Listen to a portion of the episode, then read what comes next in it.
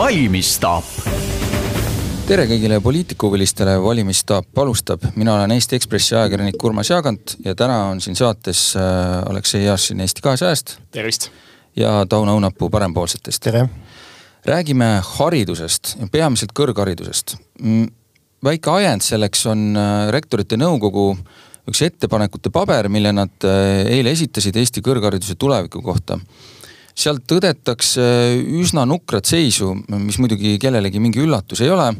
eriti rahaliselt kehva olukorda Eesti kõrghariduses ja oodatakse siis äh, nii erakondadelt, kes siis kandideerivad, kui ka ilmselt pärast äh, moodustavatelt äh, valitsustelt siis samme eelkõige selle rahastusmudeli osas.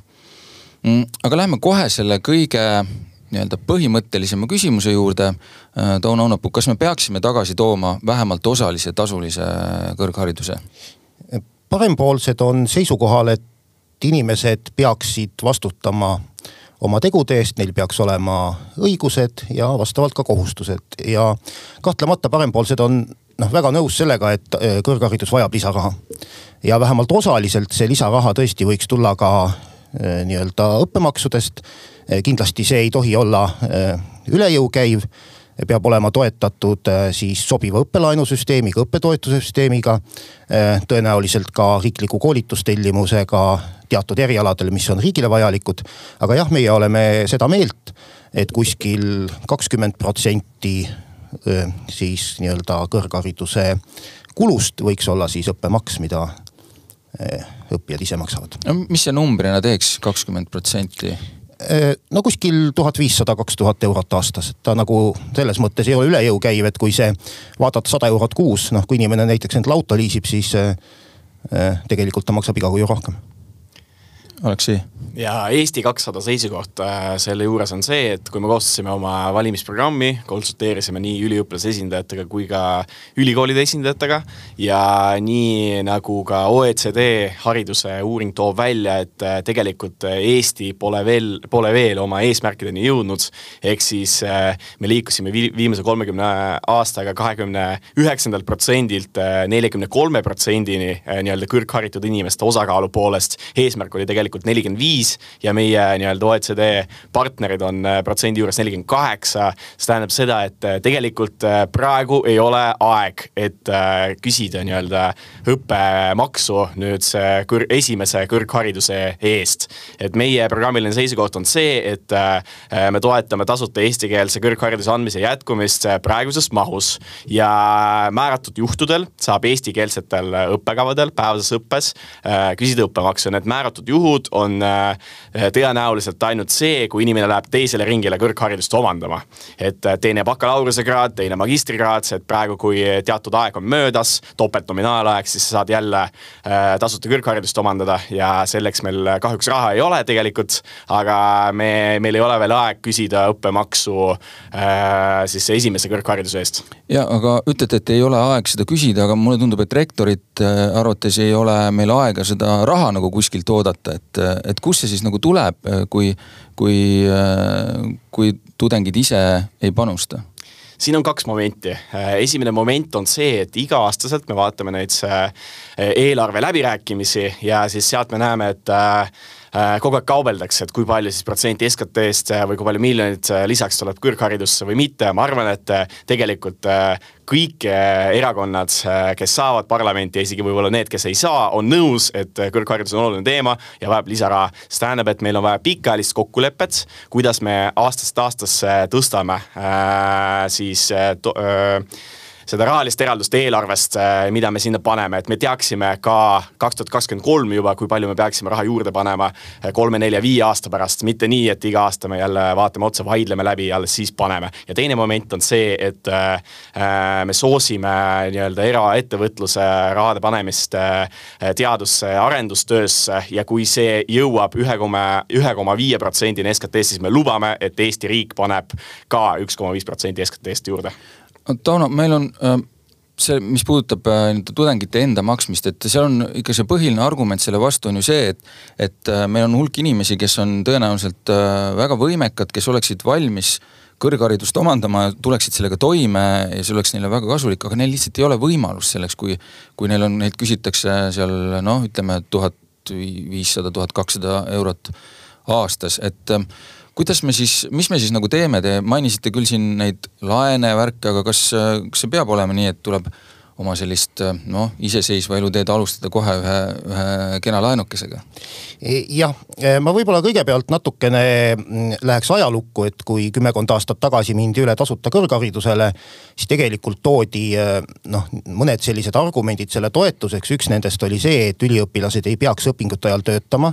tegelikult on näha, et selle kümne aastaga pigem on üliõpilaste töötamine veidikene kasvanud, ei ole kahanenud, ehk siis tasuta kõrgharidus pole sellele mitte kuidagi kaasa aidanud. noh, omaette küsimus on muidugi see, et kas see üliõpilaste töötamine üldse on kõikidel erialadel halb, aga noh, sealt võib-olla kaugele ei tasuks praegu minna. siis teine nii-öelda väide oli tõesti see, et see tagab võrdsema ligipääsu. tegelikult on äh, alates siis äh, kuskilt sealt viimase kümne aastaga äh, gümnaasiumi järgselt õpinguid jätkavate üliõpilaste osakaal tegelikult isegi vähenenud, ehk siis kohe ei minda õppima, jällegi tasuta kõrgharidusest ei ole olnud siin kasu ja tegelikult uuringud ka näitavad, et sellist elitaarsust ei ole see ka väga palju vähendanud, lihtsalt küsimus on see, kes kuhu õppima läheb, mis erialadele, prestiižsematele erialadele, kuhu. nii et kokkuvõttes tegelikult noh, enamik eesmärke, mida tasuta kõrghariduse puhul selliseks plussiks toodi, ei ole väga hästi õnnestunud. kui nüüd tulla selle nii-öelda tuhande viiesaja, kahe tuhande eurose õppemaksu juurde, siis äh, noh, tõepoolest kindlasti on seal vajalik eh, noh, mõistlik õppelaenusüsteem, seda praegust õppelaenusüsteemi on väga palju kritiseeritud. Eh, sellepärast, et summad on väikesed, mida laenata saab. Eh, intress on kõrge ja noh, kahtlemata muidugi ka tõepoolest, mis te tõite, et inimene peab siis alustama nii-öelda oma eluteed juba mingisuguse laenuga.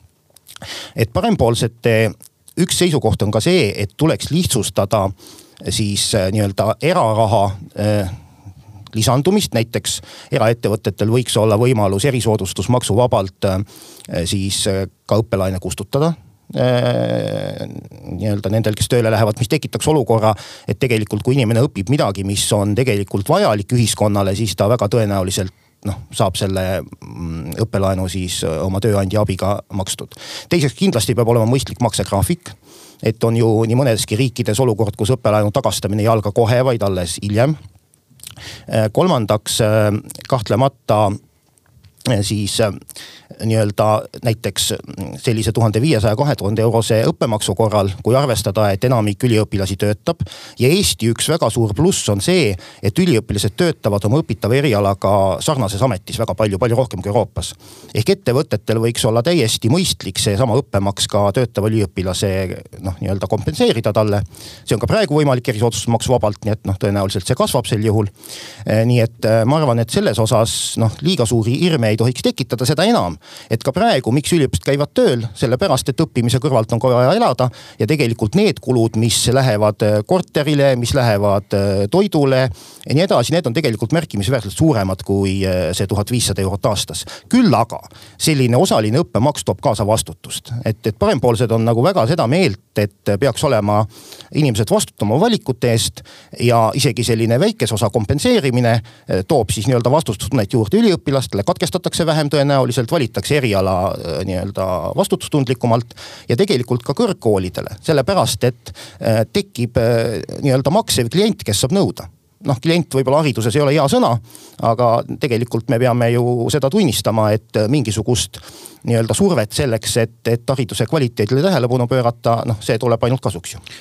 Eesti kakssada on ka rääkinud siin jah, mainisite ka, et, et äh, eraraha kaasamist, mis see siis nagu tegelikult tähendab, et jah, me kuulsime siin nüüd ühte varianti sellest, et et ütleme, ettevõte siis näiteks aitab äh, maksta vähemalt osa seda õppelaenu, kui inimene läheb sinna tööle, noh, sealt tekib see küsimus, et äh, sihuke moraalne dilemma, et kui firma on mul maksnud, eks ole, õppelaenu kinni, kuidas ma siis ära lähen, nad on mulle nii abiks, aga see on nagu juba sihuke teine teema.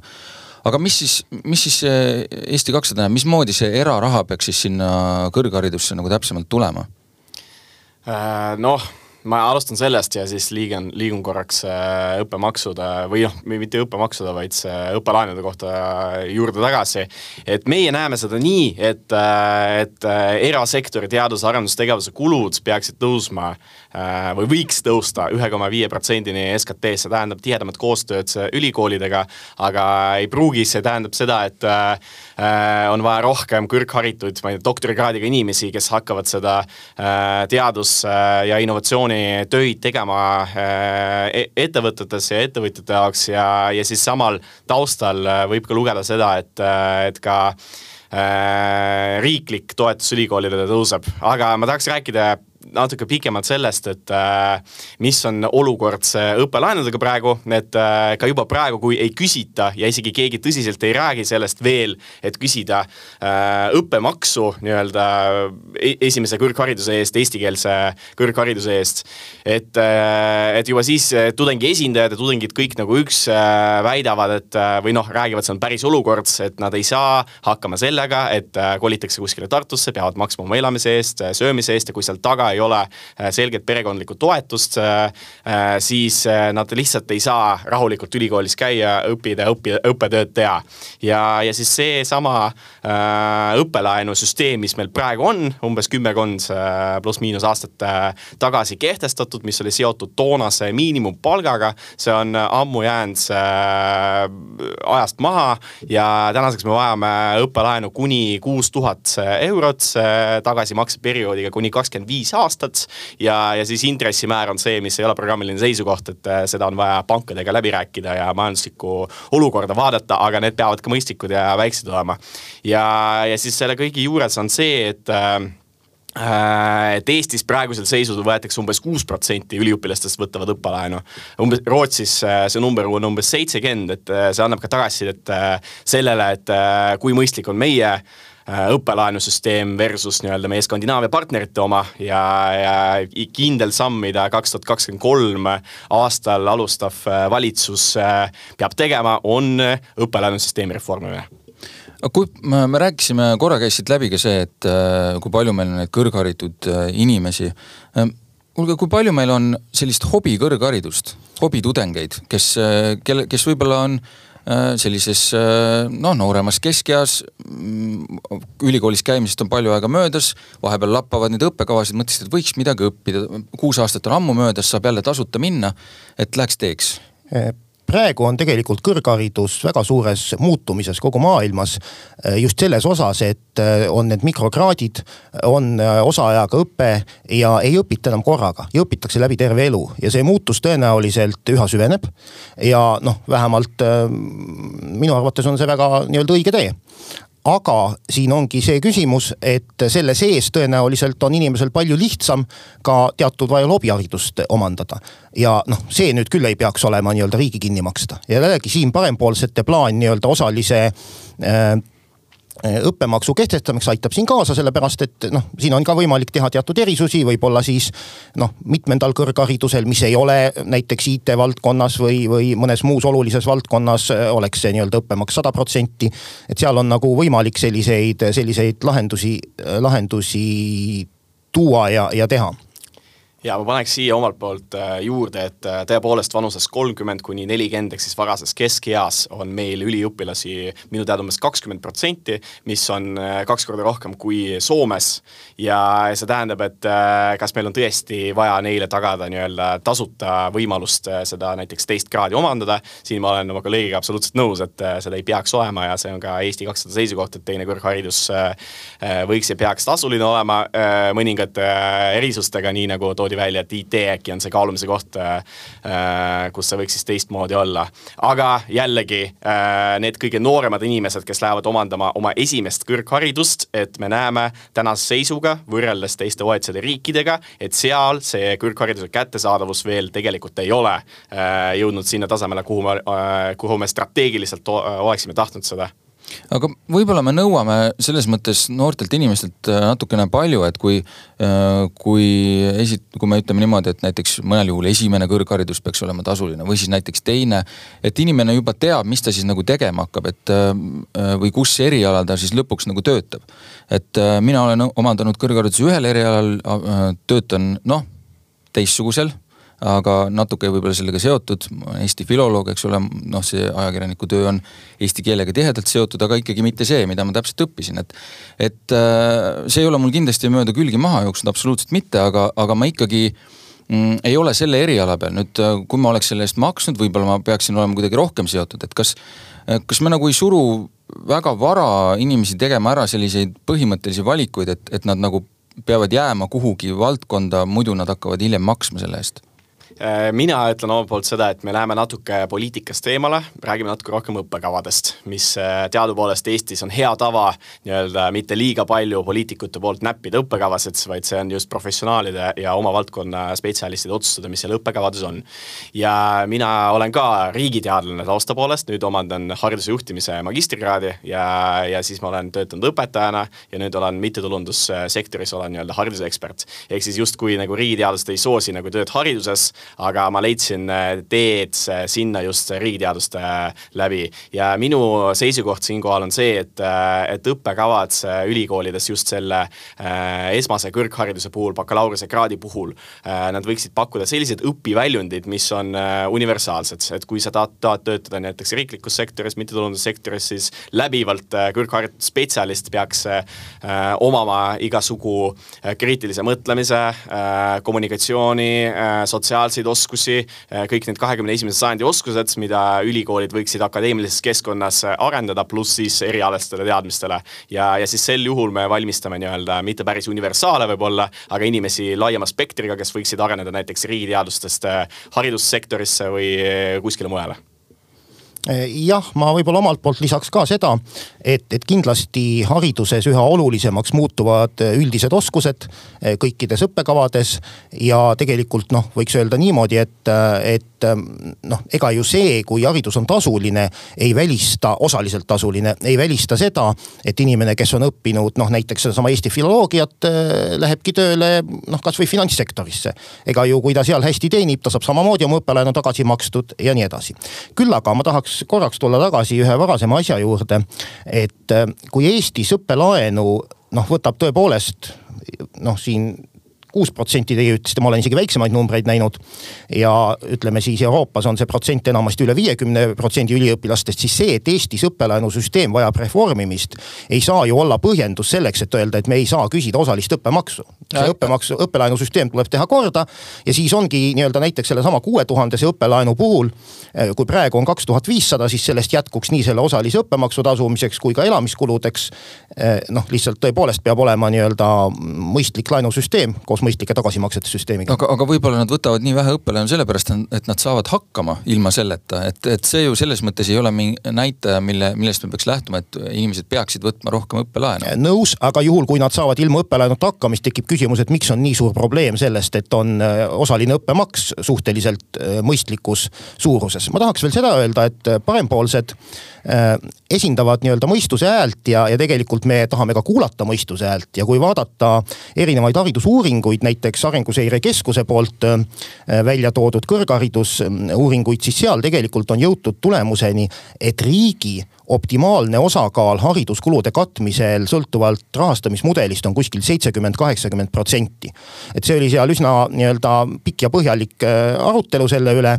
ja, ja kui niimoodi vaadata, kui hetkel riigil on kavas umbes üks koma kaks protsenti sotsiaalmajanduse koguproduktist katta riigi poolt kõrghariduses, siis seesama null koma kolm, mis oleks veel juurde vaja selleks, et saada poolteist protsenti täis. et kui see tuleks erarahast või siis ka nendest osalistest õppemaksudest, see tegelikult ka nii-öelda ekspertide sõnul annaks paremini toimiva süsteemi mis asjad need, me korra rääkisime ka, et mis asjad need mikrokraadid õigupoolest on, et ma, ma tegelikult eh, noh, ma ei taha seda definitsiooni kuulda, aga see ei ole ju päris asi, sellega ülikoolid teenivad ju raha, olgem ausad. ei, nii see kindlasti ei ole. vot ma võib-olla, eks mina kunagi käisin ütleme koostöö raames Iirimaal ja Iirimaal on niimoodi, et seal on siis rakenduskõrgkooli tüüpi asutus, kus on võimalik õppida kas üks aasta, kaks aastat, kolm aastat siis saad bakalaureuse. neli aastat, siis saad nii-öelda selle natuke parema bakalaureuse, viis aastat või kuus aastat, sõltuvalt milline magister otsa teha. ehk see tähendab, et juba noh, kümmekond aastat tagasi oli seal Iirimaal selline suhteliselt äh, mõistlik süsteem ja tegelikult see mikrokraadide mõte on ka see, mikrokraadi mõte pole mitte selles, et ma õpin pool aastat ja siis mul on kõrgharidus. vaid mikrokraadide mõte on selles, et ma kogun oma hariduse kokku kokku erinevatest mulle vajalikest detailidest. see ongi see, et kui teie näiteks olete õppinud Eesti filoloogiat ja näiteks ajakirjaniku töös on noh, mingeid teadmisi juurde vaja, siis te ei peaks ju nagu viieaastast äh, ajakirjandusõpet läbima. vaid teil olekski otstarbekas valida sobivad mikrokraadid ja, ja sealtkaudu siis jõuda nii-öelda noh, sobivate tulemusteni. et kindlasti võib-olla sellel inimesel, kes on gümnaasiumi lõpetanud, noh alguses on raske niisuguseid valikuid teha. aga Eestis tegelikult väga suur osa õppijatest on üle kolmekümne aastased. õppijad lähevad, õpivad noh midagi ära, nad lähevad tööle ja nad peale siis juba tööle asumist tulevad õppima tagasi noh, praegu nad on sunnitud tulema äh, nii-öelda sellele kolmeaastasele õppele või kaheaastasele õppele, magistriõppele. aga mikrokraadid annaks tegelikult võimaluse palju paremini ka tööelu ja, ja õppimist ühendada. siia mõistliku jutu juurde ma paneks, et mikrokraadid on äh, igalt poolt äh, väga mõistlik lahendus, see sobib kokku nii elukest-, elukestva õppe strateegiaga kui ka sellega, et inimene soovib oma teadmisi-oskusi olemasoleval erialal laiendada, täiendada, kui ka seda, et näiteks teha karjäärimuutusi muutustega, seesama, mida mu kolleeg ütles, et, et ei peaks äh, täiskraadi jälle omandama nullist kolm-viis aastat või noh, umbes sinnakanti. Ja, ja siis äh, ülikoolid on soliidne partner riigile, kes võiks neid täiendkoolitusi, aga akadeemilisemalt ja nii-öelda mikrokraadi näol äh, pakkuma. Ja, ja siis see on nii-öelda võib-olla isegi konkurents meie igasugu erakoolitajatele, kelle kvaliteet võib-olla kõigub, mõni on suurepärane, mõni ei ole nii hea. Ja siis sõltuvalt valdkonnast, et me usaldame usaldama võib-olla ülikoole ja teadust, Eesti teadust rohkem üks äh, elevant keset seda tuba on ikkagi see, et äh, meil on kaks vastandlikku eesmärki ülikoolidel, üks eesmärk on see, et me tahame tõsta hariduse kvaliteeti, olla maailmas äh, konkurentsis ja teine, teiselt poolt on ülesanne hoida eestikeelset kõrgharidust. Kuidas seda dilemmat lahendada, need, need, neid saab teha koos, aga lõpuks ei tee kumbagi väga hästi. Et äh, mis selle eestikeelse kõrgharidusega siis äh, on, et kas, äh, mis määr-, mil määral me peame seda hoidma, mil määral me peaksime endale nagu ütlema, et tegelikult see on ikkagi selline hobivärk? Jah, parempoolsed on seisukohal, et head kõrgharidust tegelikult ei ole võimalik maailmas saada ilma inglise keelt oskamata. ja see ei ole noh, mitte kuidagi vastuolus ka eestikeelse ülikooli põhimõttega. pigemini oleks ilmselt mõistlik, kui kõikidel õppekavadel ja õppekavad Eestis peaksid olema põhiliselt eestikeelsed. erandid võivad olla võib-olla üksikud sellised õppekavad, mis ongi suunatud noh välistudengitele. aga nendel eestikeelsetel õppekavadel see, et üks või kaks õppeainet, välislektorid tulevad, on inglise keeles see on täiesti normaalne, tõenäoliselt kõrgematel õppeastmetel see osakaal on natuke kõrgem, bakalaureuseõppes noh, võib-olla madalam. mis on aga parempoolset seisukoht, on see, et Eestis peaks olema võimalik kaitsta teaduskraade ja teha lõputöid eesti keeles, et noh, ei ole nagu mõistlik see olukord, kus kohapeal on sundseis, et sa saadki oma lõputööd kaitsta ainult inglise keeles, noh mis mõnel pool hakkab juba prevaleerima. ja, ja kindlasti siin on ka osalt seesama tasuta kõrgharidusest tulenev rahastusprobleem, et ülikoolid ja tegelikult ka erakõrgkoolid on väga palju sunnitud otsima nii-öelda välisüliõpilasi ka selleks, et noh, see on see koht, kust koha pealt nad saavad lisaraha küsida. ja, ja see kohati tekitab ka olukorra, kus koha peal avatakse ja, ja noh, teine probleem on see, et eestikeelsetes õppekavadel õppeka-, noh õppemaksu võtta ei tohi. mistõttu tehaksegi ingliskeelsed õppekavad, kus on lubatud, sinna tulevad ka nii-öelda Eesti üliõpilased. ja, ja siit meil hakkab see probleem peale, et meil on nii-öelda eestikeelne ülikool, kus koha peal noh, mingis valdkonnas ei ole hästi võimalik saada eestikeelset õpet ja väärtuspõhises küsimuses, et kas välisüliõpilased ja välisõppejõud on äh, meie jaoks väärtuslikud, me oleme absoluutselt nõus parempoolsetega. ja Eesti kakssada on ka sel seisukohal, et äh, me vajame neid ja nad äh, viivad meie ülikoolide konkurentsivõimet ülespoole ja see on hea potentsiaal ka meie majandusele lõpuks, kui me suudame neid veenda, et Eesti on ka hea töökeskkonnana, mitte ainult ülikoolis õppimiseks. ja, ja lisaks seda, et, et selleks, et siduda neid inimesi rohkem eesti keele, kultuuriga ja võib-olla ka meie majandusega, majandusega, et nad saaks tõhusamalt majandusse panustada nii üliõpilaste, üliõpilase ajal kui ka, kui ka pärast seda. ma arvan, et, et võib-olla oleks isegi mõistlik panna äh, kohustuslikku eesti keele õpet mingis ulatuses sinna ja siis laiendada sellist toredat programmi, et kui sa lähed või sa tuled Eestisse omandama Äh, bakalaureusekraadi eesti keeles, siis esimene aasta läheb selle peale, et sa õpid keelt, omandad selle B2 tasemel, loodetavasti, et äh, päris paljudel üliõpilastel on äh, see õnnestunud. ja, ja siis edasi minnakse juba eestikeelsele, eestikeelse õppekavaga edasi, saadakse ka, kui kõik tingimused on täidetud, siis saadakse ka tasuta kõrgharidust. Ja ma toonitaks veel kord, et meie toetame senist osakaalu eestikeelsetes, tasuta eestikeelsetes õppekavades, et see vähenema ei tohiks ja see on ka üks momentidest, mis kindlustaks meile eestikeelse kõrghariduse püsimajäämist. aga samal ajal jällegi väärtuspõhine küsimus, et kas meie ülikoolid oleksid reitingutabelites nii kõrged, kui arvestatav hulk teadustöid ei oleks kirjutatud ja ei oleks kaitstud inglise keeles, ehk siis see on täiesti normaalne protsess ja tegelikult teadus on globaalne nähtus, aga me peame edasi minema selle tasakaaluga, mis meil ka praegu on ja, aga välisüliõpilaste õppejõud on, on väärtus meie riigile. paar asja ka programmidest võib-olla, Tauno Õunapuu parempoolsete programmis on kirjas, et ähm, kõrghariduse kvaliteedi tõstmiseks tagame selle vajaliku riikliku rahastamise ja anname ülikoolile suuremad võimalused eraraha kaasamiseks, et mis mis need ülikoolid siis teha saavad, et seda eraraha kaasata?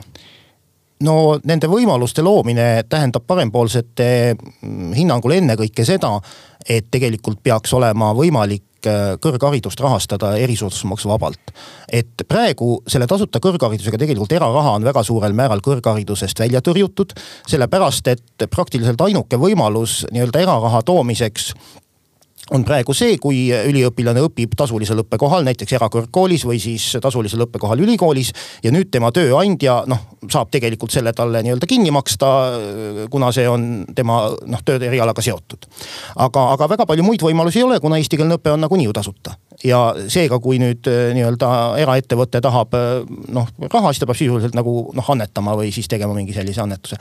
aga kui me teeksime osalise mm, nii-öelda õppemaksu, siis esiteks tõepoolest eraettevõtjatel tekib võimalus, esiteks tekib see kohustus, mingi hulk eraraha tuleb sinna nagunii sisse. eraettevõtjal tekib äh, nii-öelda noh, suhteliselt soodne võimalus seda kompenseerida.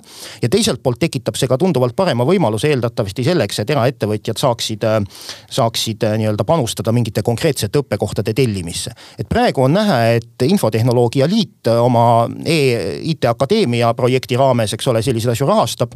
noh, nemad on nüüd võimekad ettevõtted, neil on ka väga suur vajadus ja huvi. aga, aga selliseid võimalusi tõesti noh, ennekõike see peab olema ettevõttele majanduslikus mõttes mõistlik, siis see toetus tuleb, sest tegelikult tööjõupuudusi on ja noh, kindlasti teine osa on ka seotud välisüliõpilastega, et need välisüliõpilased, kes siia tulevad, kui nad äh, õpivad tõesti ära eesti keele, kui nad integreeruvad või seostavad ennast Eesti ühiskonnaga, siis äh, noh, neil võiks tekkida ka võimalus Eestisse tööle jääda. et kui see praegune olukord on see, kus me toome inimese nii-öelda Eestisse, võtame temalt õppemaksu, anname talle diplomi, saadame ta jällegi kuskile tagasi, siis tegelikult see on selline noh, ühiskonna seisukoha pealt üsna mõttetu tegevus Eesti kahesaja programmis äh, räägite siin ka äh, sellest, mismoodi mitmekesistada kõrghariduse rahastamist, luua täiendavaid võimalusi eestikeelse kõrghariduse rahastamiseks ja nii edasi äh,. muuhulgas mainite ka, et lubate küsida õppemaksu ka eestikeelse kõrghariduse eest, et suurendada siis motivatsiooni ülikoolidel neid õppekavasid arendada ja ütlete ka, et vajadusel võtate laenu haridusinvesteeringuteks, kas see on nüüd jälle mingi selline moodne Äh, moodne asi, mis meil peaaegu igas valdkonnas on, et kõigeks kõlbab võtta laenu. Äh, kõik on investeering, kuidas, kuidas, äh, kuidas see peaks siis töötama, et mismoodi laenust katate kõrghariduse rahastamist? ütleme nii, et iga asja jaoks laenu võtmine ilmselgelt ei ole moodne asi ja ei ole popp, et kõiki muresid sellega lahendada. aga tänapäeval on olemas nii-öelda mitut sorti nii-öelda kaasaegseid mõistlikke investeeringuid, loetlen neid siin ette, et üks nendest on energeetika ja rohepööre selleks, et äh, sellele, seda tagant lükata ja selle, sellele siis viis-kümme aastat äh, edasi anda väikest tõuget ja et päriselt jõuda sinna äh, sätestatud eesmärkideni, siis see on igati põhjendatud. teine valdkond on haridus ja teadus, et kui meil on vaja täita mingi lünk, samal ajal kui me mõtleme mõistlikke plaane, teeme kokkuleppeid erasektoriga, et ega nad niisama paugu pealt ühe aastaga ei hakka toetama, nii nagu me soovime nii-öelda äh, nende erisoodustusmaksudega äh, õppe, õppemaksude kinnimaksmist nii-öelda oma töötajatele, et, et kui nad päris nagu nüüd kohe sellega kaasa ei lähe, mis on võib-olla ka mõistlik lahendus äh, mingis ulatuses, siis seni on mõistlik ka neid lünkasid, mis on kõrghariduses ja ka üldhariduses täita täitelaenuga no selge, see on, teema on äh, kindlasti liiga lai selleks, et äh, seda kõike siin ära äh, läbi arutada. pool tundi on läbi, ma tänan kõigile poliitikahuvilistele kuulamast. valimisstaabi saates olid Aleksei Jašin Eesti kahesajast ja Tauno Õunapuu parempoolsetest. rääkisime haridusest ja selle rahastamisest. loodetavasti see debatt jätkub. mina olen Eesti Ekspressi ajakirjanik Urmas Jaagant. aitäh teile kõigile kuulamast ja kohtumiseni